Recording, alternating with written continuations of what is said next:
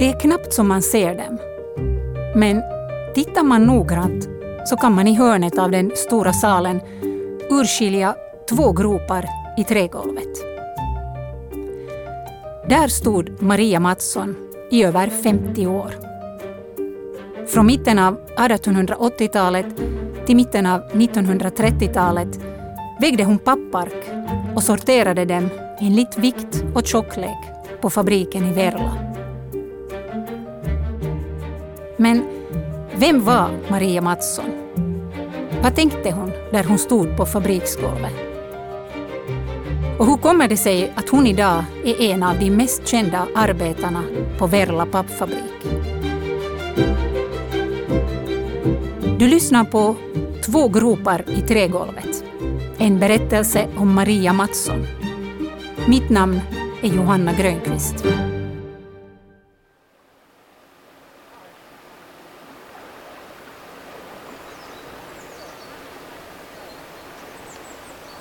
Vi befinner oss i Verla, en liten by i Kymmenedalen, ungefär 20 kilometer norr om Kouvola.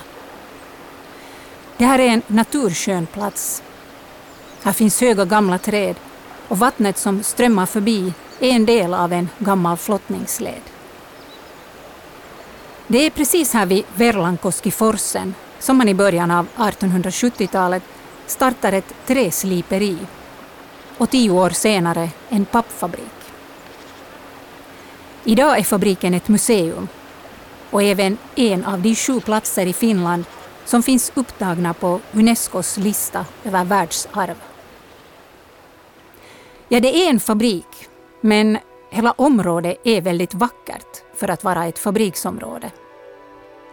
Själva pappfabriken består av några stiligt utformade byggnader i rödtegel med fasader som har små torn och en mängd utsmyckningar.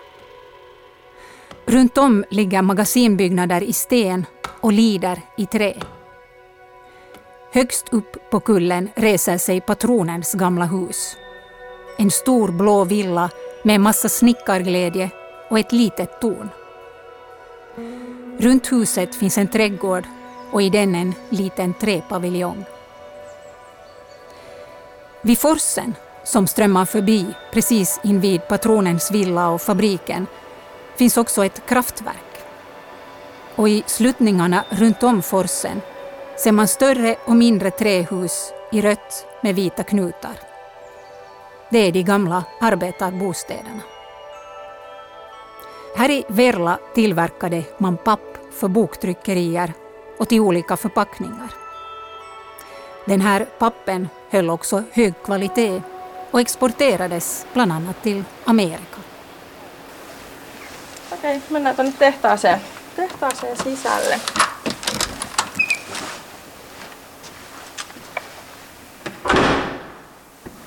Okei, eli me tullaan tänne tehtaan lajittelusaliin, jossa Maria Matsonkin aikanaan työskenteli.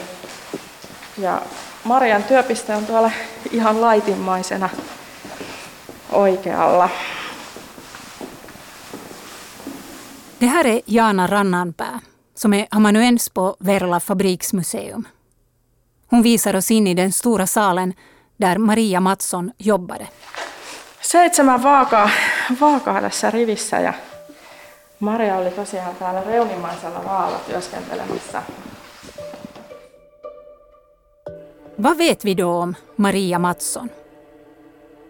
Hon föds 1859 i Heinola och är den äldsta i en syskonskara på nio barn. Hennes pappa, Johan Gustav Mattsson, arbetar som dräng, men senare också som fogde på en större gård och lär också ha varit med och byggt tågbanan mellan Riihimäki och Sankt Petersburg på 1860-talet. Familjen flyttar runt och det sägs att de ett tag även bodde i Sankt Petersburg, där Maria lär ha jobbat som piga. Det vet vi att Maria Mattsson år 1880 gifter sig med en tre år äldre man, Juhani Taavi Isakin pojka, eller Lahti, som han senare tog som sitt släktnamn. Och 1883 får de dottern Hilda. När förhållandet med mannen tar slut är oklart. Men då Maria i mitten av 1880-talet börjar jobba på fabriken i Verla använder hon sitt flicknamn Mattsson. Officiellt skiljer hon sig först långt senare, i början av 1900-talet. Maria och dottern Hilda bor en tid hos hennes föräldrar som också flyttat till Verla. Pappan jobbar som mjölnare och de bor alla precis invid forsen och fabriken.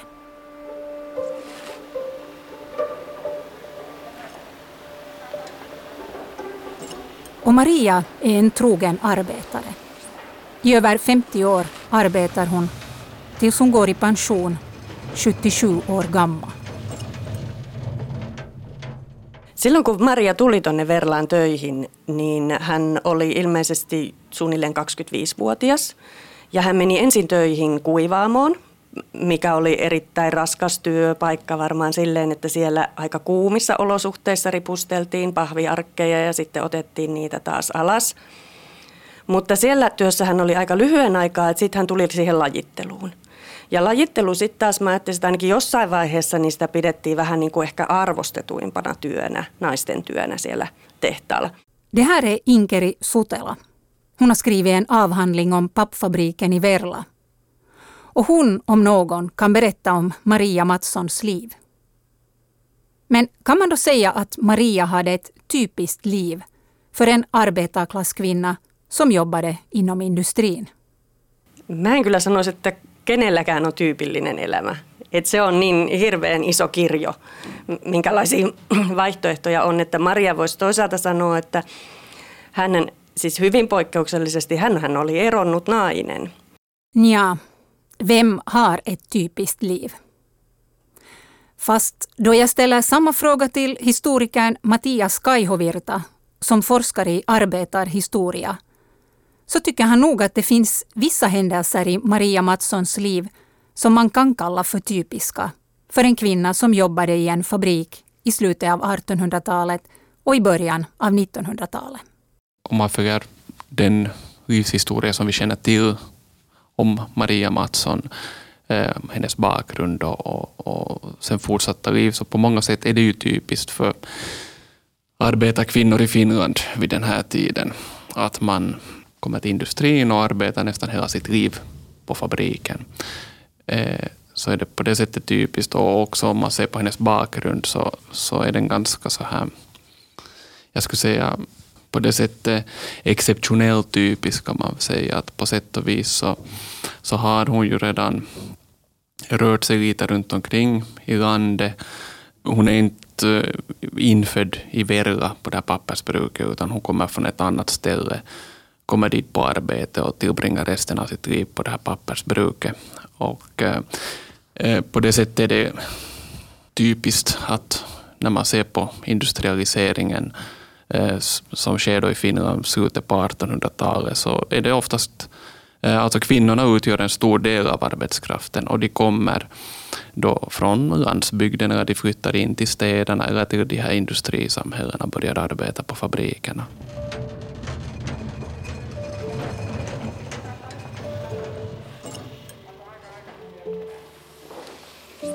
I Verla fabriksmuseum hänger idag ett fotografi där Maria står i sorteringssalen, omgiven av sina arbetskamrater.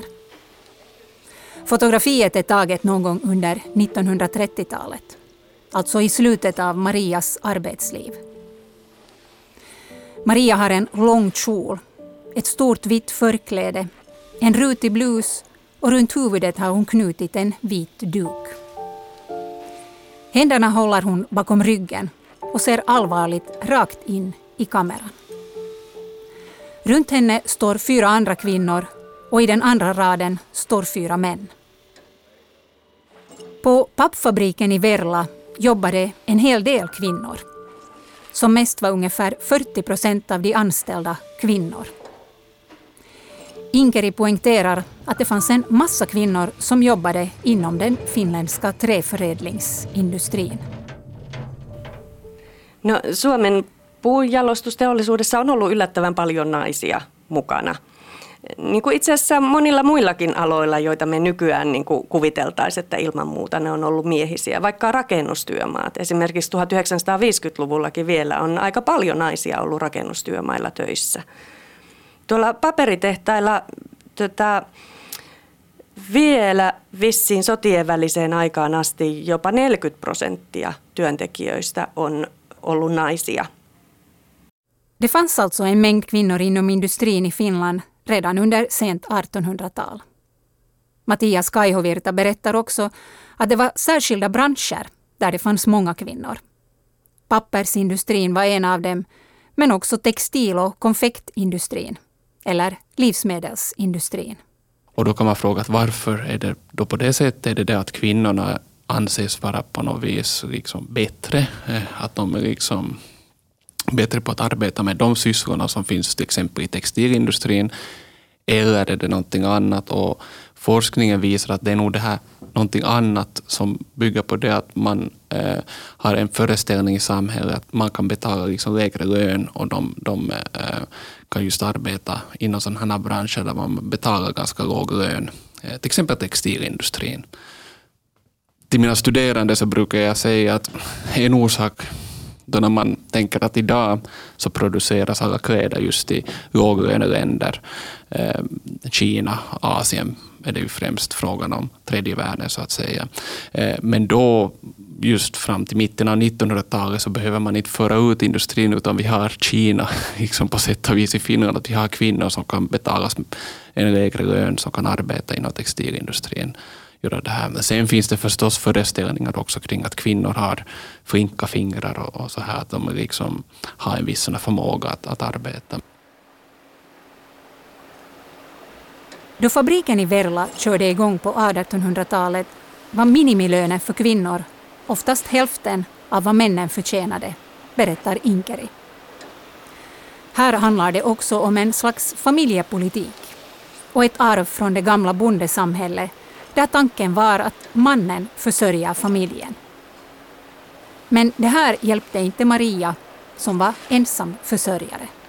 Et ottaen huomioon, että Maria oli tosiaan, että jos hän oli niinku yksinhuoltaja, niin kyllä on varmasti ollut raha hyvin tarpeeseen.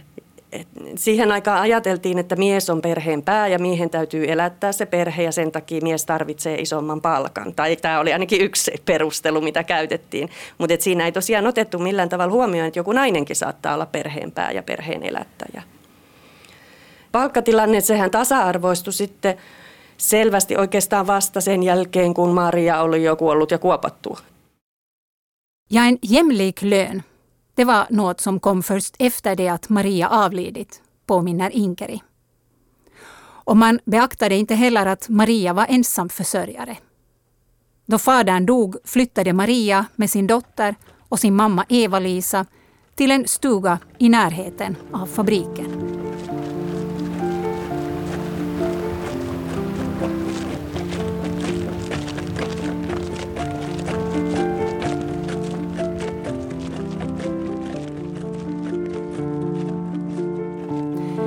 Maria Mattsson var bra på sitt jobb.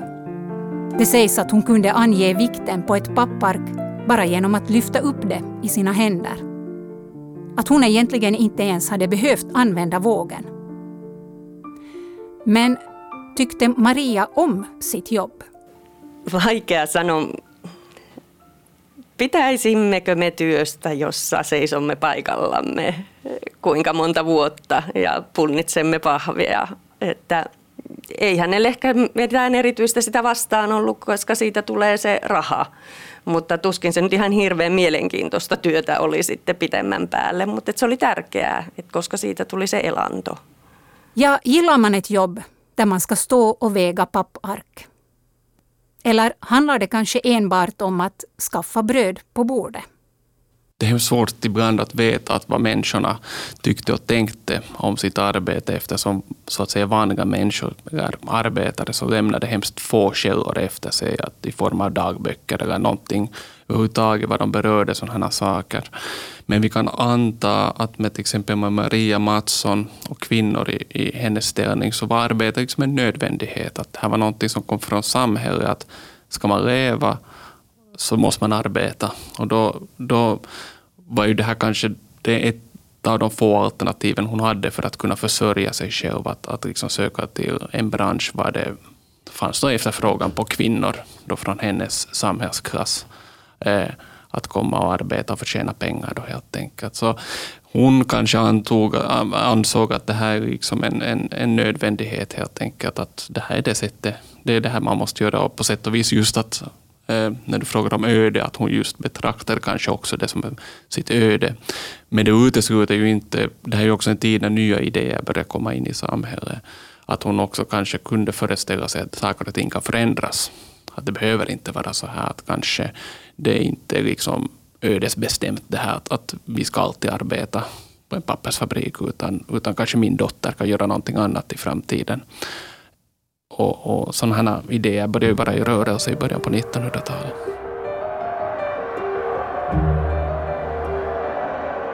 Mattias syftar här bland annat på arbetarrörelsen som organiserade sig och fick allt fler medlemmar. Så vad tror Inkeri och Mattias att Maria Mattsson tänkte och tyckte om arbetarrörelsen? Ja, det är en bra fråga. Vi kan ju också där anta att hon skulle ha kunnat haft ett intresse. Att en kvinna i hennes ställning så var inte alls ovanlig eh, medlem i arbetarföreningarna, i arbetarrörelsen och i den fackliga verksamheten som uppstår i Finland början på 1900-talet. Eh, det som vi vet med Maria Mattsson är ju att hennes, om jag kommer ihåg rätt, så var det hennes dotters man som då var aktiv på den röda sidan under inbördeskriget och som var då engagerad i arbetarrörelsen. Så då fanns det den här delen åtminstone i hennes närmaste familjekrets, eh, sympatier för arbetarrörelsen. Visserligen så, så, så fanns det ju också många, alltså man ska komma ihåg att också många arbetare gick inte med i arbetarrörelsen som kanske av olika anledningar ansåg att man inte ska tillhöra arbetarföreningar. Att man ska inte ställa sig i, i tvärs mot, mot de som har makten i samhället eller mot sin egen arbetsgivare. Det är kanske närmast man är orolig för. För att eh, från arbetsgivarhåll så kommer det ju starka sådana här repressalier. Att tillhör du en arbetarförening eller fackförening så då får du gå. Att då kan du bli uppsagd. Och det vill man ju inte gärna, att man är rädd för att, att förlora sin inkomstkälla. Så där kan vara ett gott skäl att inte välja arbetarrörelsen. Eller så kan det vara också helt övertygas om att, att man liksom anser att det här är den naturliga ordningen i samhället. Att, att, eh, att de som har makten, så de har fått den på sätt och vis uppifrån från Gud, kanske till och med att, att kristendomen och de här religiösa eh, övertygelserna spelar ännu väldigt starkt i samhället i början på 1900-talet. Så det kan också vara ett, ett gott skäl för att inte ansluta sig till arbetarrörelsen som då anses vara ogudaktig eller bryta mot den naturliga ordningen. Och här vill jag igen göra en sån här parallell till vår tid, att, att om vi tänker på också de sociala rörelser som finns idag och det motstånd som finns på olika håll, att om man förstår man kan jämföra det motståndet, liksom, alltså en, en viss sån här konservativ inställning, så kan man säga att, att det finns ganska många likheter just till, till det förgångna också. Ja, det är förstås omöjligt att veta vad Maria tänkte och tyckte. Men Inkeri säger att om Marias värderingar var präglade av den tid hon levde i, så kanske hon tyckte att det här gamla patriarkala industrisamhället försvarade sin plats. Äh, mä kuvittelisin, että usein meidän ihmisten elämässä niin kuin oikeastaan semmoiset asiat, mitkä on nuoruudessa, niin me helposti pidetään niitä tavallaan ehkä oikeina. Se on se arvomaailma, mihin me kasvetaan. Eli silloin mä ajattelin, että Maria Matson on todennäköisesti ollut tämmöinen vanhan patriarkaalisen tehdaskylän jäsen. Hän on oppinut, hänellä on kokemuksia siitä, että, että se vanha järjestelmä on tuonut hyvää hänen elämäänsä. Om Maria tyckte att det gamla systemet fört något gott med sig, så på vilket sätt gynnades hon då av det? Inkeri nämner folkskolan som grundades. Att Marias dotter Hilda fick gå i skola. En annan förbättring var till exempel att man hade en pensionskassa, en sjukkassa och en kassa för begravningskostnader. Och Inkeri nämner också att Maria, som kunde svenska och antagligen också lite ryska, lär ha haft en god relation till patronen på fabriken och hans familj. Samoin Marialla on ollut hyvät välit ilmeisesti tähän patruuna-perheeseen. Hänen isänsä hän oli myllärinä siinä aivan niin kuin patruunan pytingin vieressä siinä kosken partaalla. Marian tytär on kirjoittanut muistitietoa ylös, kertonut omasta lapsuudestansa, että hän sai esimerkiksi usein leikkiä tämän patruunan kasvattipojan Kostin kanssa. Eli voisi ajatella, että heillä on ollut tietyllä tapaa sitä aika erityinenkin suhde siellä tehdasyhdyskunnassa.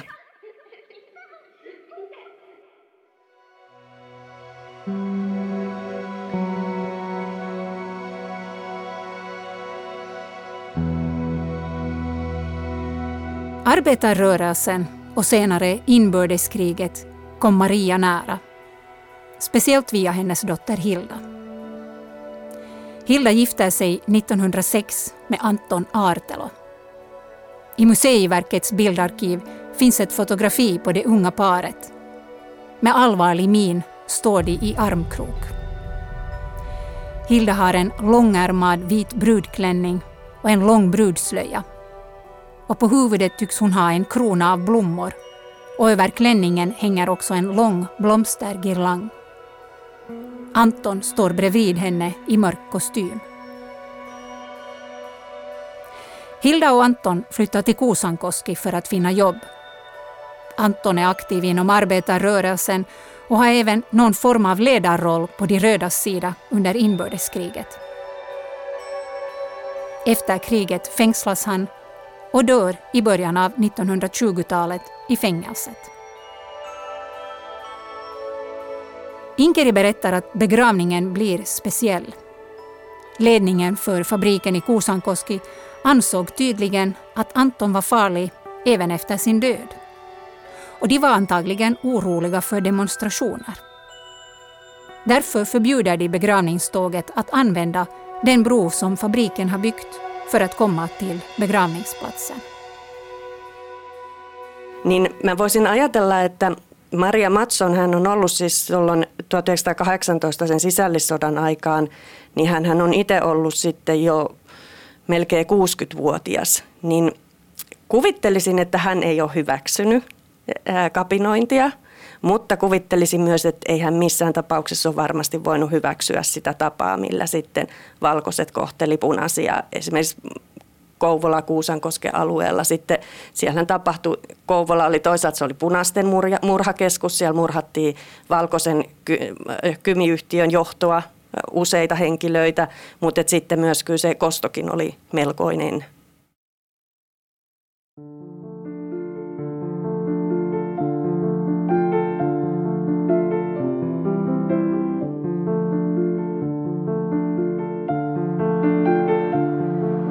Inbördeskriget lämnar spår. Men livet går vidare för Maria. Hon fortsätter med att sortera papparken dag ut och dag in. Men varför jobbade Maria så länge som hon gjorde? I över 50 år. Tilannehan oli silloin, kun Maria jäi eläkkeelle, niin se, että Suomessa ei mitään virallista eläkeikää esimerkiksi ollut olemassakaan. Itse asiassa just samoihin aikoihin kyllä säädettiin ensimmäinen kansaneläkelaki, mutta sille ei nyt heti kärkeen kauheasti ollut merkitystä. Eli lain mukaan työnantajalla ei ollut oikeastaan minkäännäköistä velvollisuutta huolehtia työntekijöidensä vanhuuden turvasta, ellei he ollut, ollut vähintään 20 vuotta töissä sillä samalla työnantajalla, niin kuin Maria kyllä oli ollut, ja elleivät he ollut työkyvyttömiä. Eli sitten vasta kun oli niin vanhuuden heikko, ettei todellakaan pystynyt töihin, niin sitten vasta oli periaatteessa mahdollista päästä eläkkeelle. När Maria går i pension 1936 är hon 77 år gammal. Och hon dör sex år senare, i september 1942.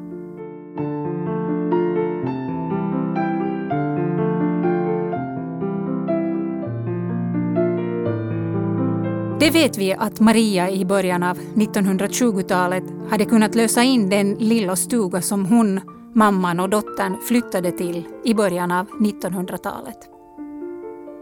Men Maria var antagligen ändå tvungen att jobba så länge som hon gjorde för att få det hela att gå ihop.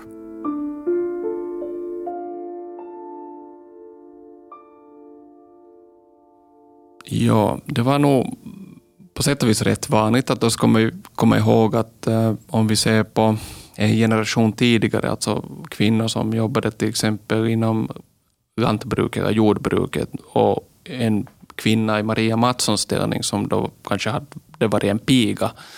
Så då jobbar man ju nästan hela sitt liv, hela sitt arbetsförmögna liv på samma arbetsplats. Och det här var lite samma tanke i industrin, alltså i Verla som var ett sånt här enföretagssamhälle, där företaget man brukade säga att, att de tog hand om sina arbetare från vaggan till graven. Eh, och det här gällde också i Maria Mattssons fall, skulle jag vilja påstå, att hon på sätt och vis omfamnades av, av den här fabrikens eh, såna faderliga omsorg, om man kan kalla det för det. Eh, så att hon, hon då gav sin plats att så länge hon skötte sig så fick hon arbeta där då i, i, så länge som kroppen höll egentligen. Att, att jag förstod att, att hon gick i pension som väldigt gammal, alltså 77 år gammal. Och då kan man ju då sen tolka det på olika sätt, att var det här frågan om välvilja från företagets sida, eller var det här då frågan om att det inte fanns faktiskt så mycket andra alternativ kanske just för en, för en person som Maria Mattsson att välja på. Eller som kanske det var just att, att det var både och, att, liksom, eh, att Maria Mattsson då förstås upprörd att, att det här var det som vi pratade om tidigare också, att det här var liksom hennes öde eller plats i samhället. Och då var hon på sätt och vis nöjd med, med sin lott i livet. Men, men det där, ändå så kan man ju tänka sig att, att hon också bar på, på andra, att det kanske fanns en, en annan, andra möjligheter för kvinnor i framtiden att, att, att, att livet kunde se ut på ett annat sätt också. Eh, det vet vi inte.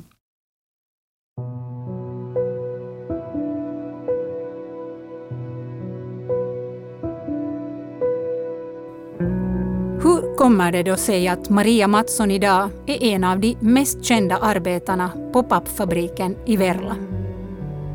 Det sägs att redan när museet öppnades i början av 1970-talet så berättade man under de guidade turerna om Maria. Och på 1990-talet gjorde man även en liten novellfilm om Maria som man kan se då man besöker museet. Alltså när man berättar industrihistoria så vill man gärna förmedla sådana här spännande livsberättelser, livsöden som på något vis också berättar den här industrins eh, historia. Och eh, jag tror att dels så vill man ju liksom just peka på det här att, att på den här tiden så var arbetarna liksom att man arbetar på sätt och vis från barnsben fram till, till pensioneringen, att, att när inte kroppen längre höll så att säga. Och att man arbetar på samma arbetsplats. Alltså det, det är väldigt, om det då stämmer att, att, att de här fötterna faktiskt har gjort de här avtrycken i trägolvet så, så är det ju väldigt stark symbolik där kring det. Att, att du har haft den här personen som dag ut och dag in arbetar på samma ställe och gjort det här väldigt tunga arbetet som hon hade då. Sen som syfte då att, att, att på sätt och vis visa på den här lojaliteten som hon hade till, till det här företaget, till den här arbetsplatsen. Eller för att visa på det här strävsamma, att, att hon liksom bet ihop och arbetade. Så, så det vet jag inte, men att man kan säkert läsa in de här båda aspekterna i, i den här berättelsen som man vill förmedla där på museet. No tietysti hän on tavallaan poikkeuksellinen työura myös siinä, että hän oli niin pitkään siellä tehtaalla töissä. Ja tavallaan pisin, siellä on muutama mies, jotka on ollut yhtä pitkään töissä. Mutta Maria Matsonista myös, että hänestä on ollut sitä perimätietoa esimerkiksi mukana. Eli siitä on voinut tulla tietyn sattumankin kautta sitten se ikään kuin keskeinen hahmo.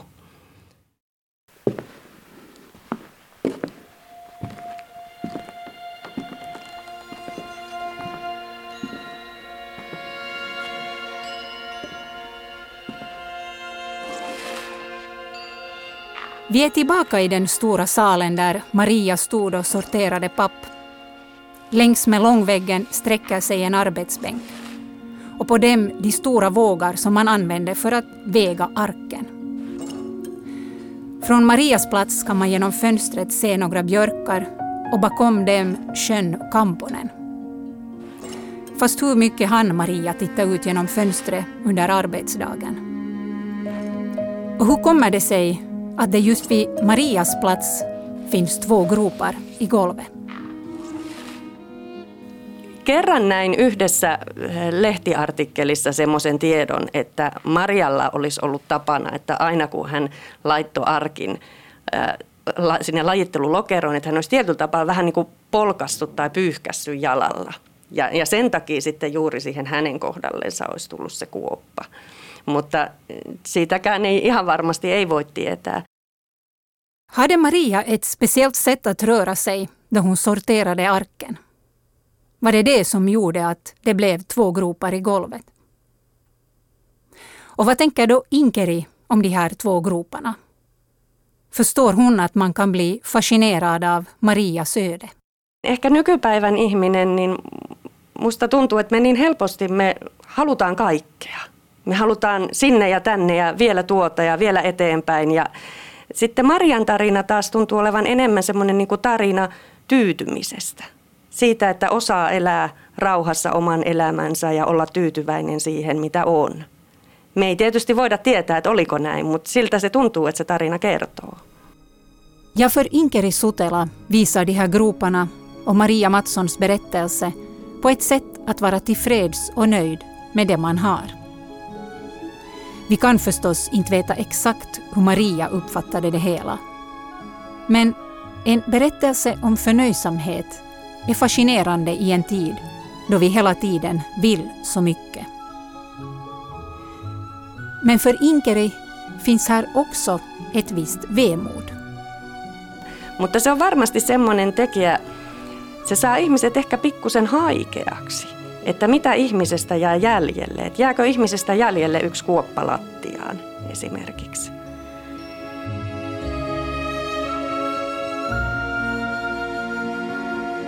är två gropar i golvet allt som blir kvar av en människa.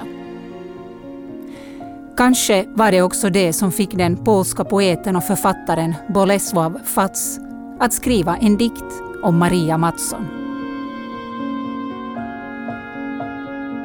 Medan fotavtrycken tyngde in i golvbrädorna vägde Maria allt oftare tanken. Räcker virket till för min kista? Och när golvet slutligen sväljer henne må ett ark av papp täcka hennes vissnande kropp och må Maria vänta tills någon finsk påve lyfter upp henne på altaret som ett pappershelgon. helgon.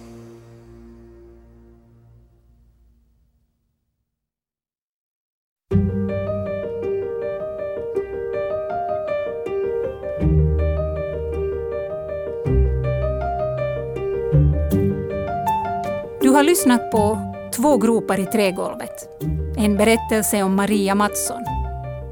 Medverkade gjorde forskarna Inkeri Sutela och Mattias Kaihovirta och amanuensen Jana Rannanpää. Ljuddesignen var av Mike Grönros. Producent var Staffan von Martens, som även översatte dikten om Maria Mattsson från finska till svenska. Och mitt namn är Johanna Grönqvist.